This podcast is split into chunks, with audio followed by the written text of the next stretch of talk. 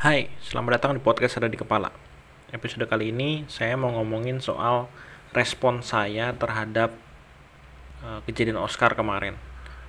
Beritanya rame, mengundang para netizen untuk berkomentar. Ada yang bela Will Smith, ada yang bela Chris Rock, ada yang ngelihat dua-duanya salah,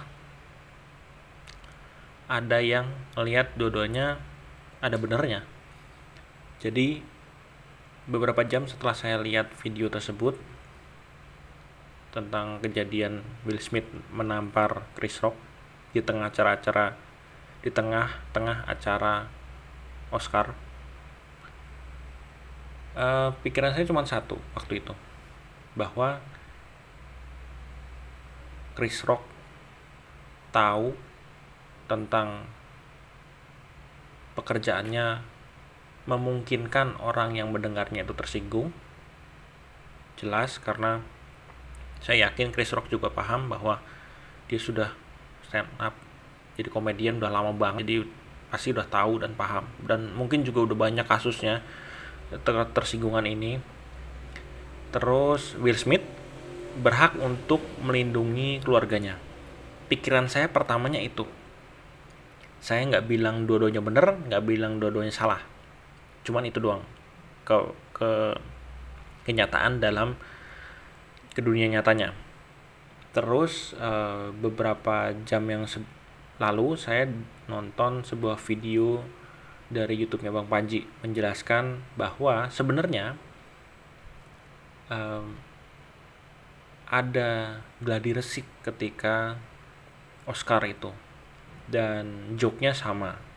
Will Smith-nya tidak marah tapi ketika acaranya kenapa jadi marah? Ternyata menurut uh, apa yang disampaikan oleh Bang Panji Pergeoksono adalah Will Smith itu punya permasalahan dengan dirinya. Bahwa dirinya itu di di kondisi hubungan dengan Jada Pinkett Smith-nya yang statusnya adalah open relationship merasa kalau dia tidak bisa membuat menyediakan cinta atau gimana ya? Membuat Jada Pinkett Smith cinta 100% ke dia karena ya namanya open relationship. Yang mana menurut saya agak aneh walaupun nggak salah juga karena itu kan pilihan setiap orang. Cuman buat saya sih aneh aja. Seperti kata uh, di sebuah acara yang dipandu oleh Drew Barrymore menyatakan kalau Drew Barrymore bilang begini I'm a lover not a fighter. Saya seorang pecinta bukan seorang pejuang atau petarung sebutannya kan. Tapi kemudian Babang Kenyu bilang begini kalau kamu seorang pecinta kamu harus menjadi seorang pejuang. Karena cinta macam apa yang kamu miliki kalau kamu tidak memperjuangkannya? Nah di situ aja udah jelas kalau Babang Kenyu bilang ya mau acaranya apa pun mau namanya apa pun yang namanya cinta itu diperjuangkan. Yang mana mungkin kalau dari kacamata Will Smith itu sudah dilakukan berkali-kali. Dan agak lucu namanya open relationship relationship eh, open relationship itu agak lucu menurut saya. Gimana caranya kita secara ofisial memang berpasangan tapi kita boleh berpasangan dengan orang lainnya di bawah layar, di belakang layar.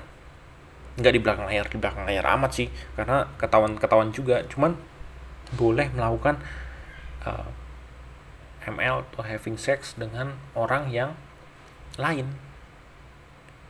Saya sih yakin orang pacaran aja ada selingkuh, kitanya merasa tersakiti, apalagi ini hubungan merit apa enggak sih? Saya nggak kurang tahu. Cuman secara orang dewasa ya, uh, masih menjalin dengan hubungan dengan orang lain. Pasti ada ya aja yang tersakiti pasti ada yang tersakiti. Jadi ya menurut saya agak lucu gitu. Jadi kalau misalnya memang saling mencinta saling menyayangi udah sama-sama dewasa ya sudah sepantasnya dong uh, saling memiliki saling berkomitmen gitu. Walaupun open relationship juga komitmen sih. Komitmen yang tidak berkomitmen untuk cuma berduaan doang. But uh, cuman yang mau saya omongin adalah segala bentuk kekerasan baik dipertontonkan maupun tidak itu tidak baik. Memukul orang ketika acara sedang berlangsung itu hal yang sangat amat buruk. Saya sangat amat salut dengan apa yang respon yang diberikan oleh Chris Rock saya pernah nge-tweet gimana kalau pada saat Will Smith itu mau nampol terus Chris Rocknya itu ngelak. Itu bakal awkward banget. Bakal bakal aneh lah situasinya. Dan kan lucu ya kalau misalnya Will Smithnya ngulangin mau nampar lagi terus ngelak lagi. Ibaratnya itu kejadian. Nah uh, salutnya apa tentang Chris Rock ini adalah bahwa dia tidak terpancing emosi juga untuk menjadikan acara tersebut menjadi rame dengan perkelahian dua orang di atas panggung. Dia lebih cooling down dan hebatnya adalah dia bisa menghadapi pressure malu ditampol orang di depan orang-orang gede nih orang-orang yang punya nama di, di, di dunia perfilman. Untuk oke okay, cooling down aja saya tetap harus bikin saya tetap harus berprofesional saya salutnya profesionalnya Chris Rock berusaha untuk membuat uh, orang tertawa lagi bahkan setelah dia menghadapi hal-hal kayak itulah pokoknya. Um, dan memang pada akhirnya kan Chris Rock sendiri kan merasa bersalah dan meminta maaf.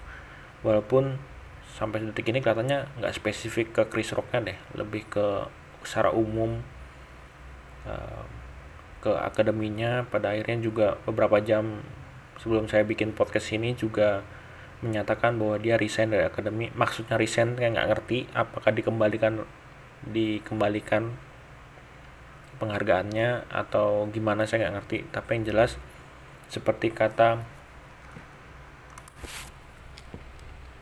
uh, bentar saya cek dulu.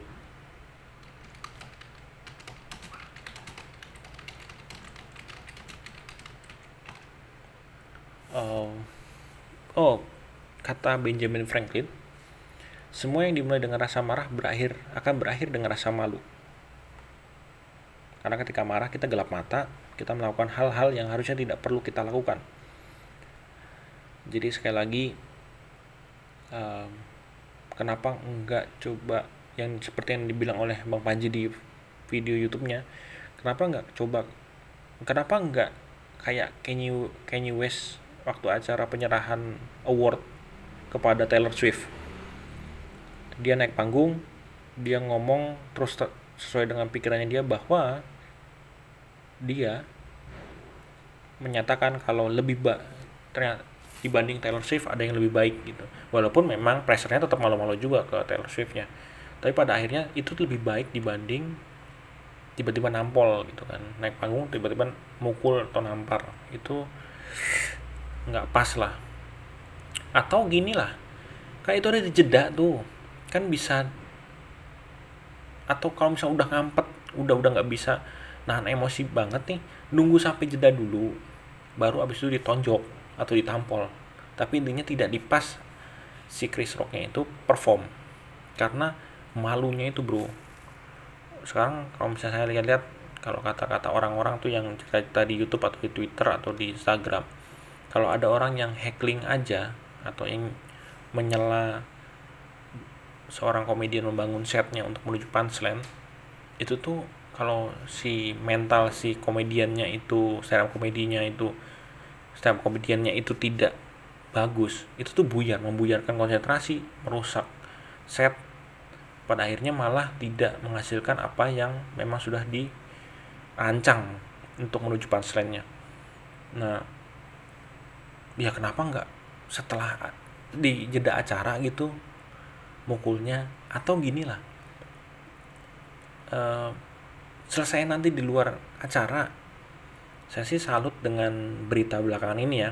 Kalau di Twitter kalian aktif di Twitter kalian pasti tahu bahwa Jeffrey Nicole itu uh, kesenggol merasa tersenggol dengan salah satu atau disenggol sama seorang di Twitter. Bilang kalau filmnya jelek lah begini yang Jakarta versi pribadi kalau nggak salah itu jelek katanya. Nyindir begini begitulah intinya. Hingga pada akhirnya mereka berdua nyelesainya di atas ring tinju. Jadi mereka benar-benar udah kelarin di ring aja udah. Nggak usah banyak omong dan saya amat salut dengan hal itu. Karena gini uh, sebelum era media sosial uh, orang-orang yang punya masalah itu diselesaikan dengan berantem tapi kebanyakan kalau laki-laki berantem itu pada akhirnya bukan jadi musuhan terus gitu malah jadi kayak teman malahan. Setelah berantem udah selesai udah. Yang penting emosinya udah keluar gitu. Nah kenapa nggak kayak gitu loh?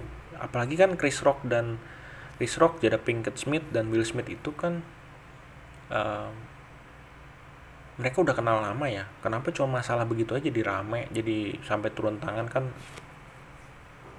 sayang banget disangat disayangkan. Karena harusnya sih nggak bisa nggak nggak jadi seperti itu.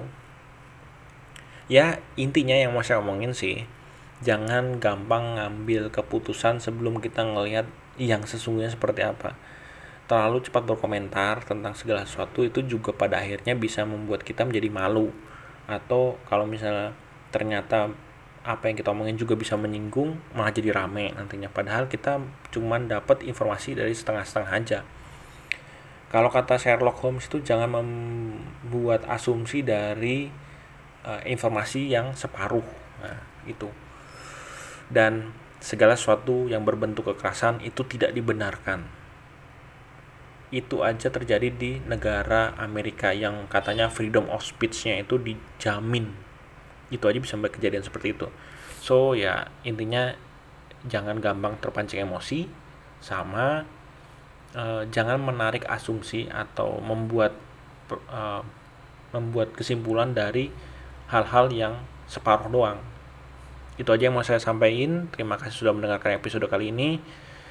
Adlian pamit podcast ada di kepala pamit. Kita ketemu lagi di episode selanjutnya. Ciao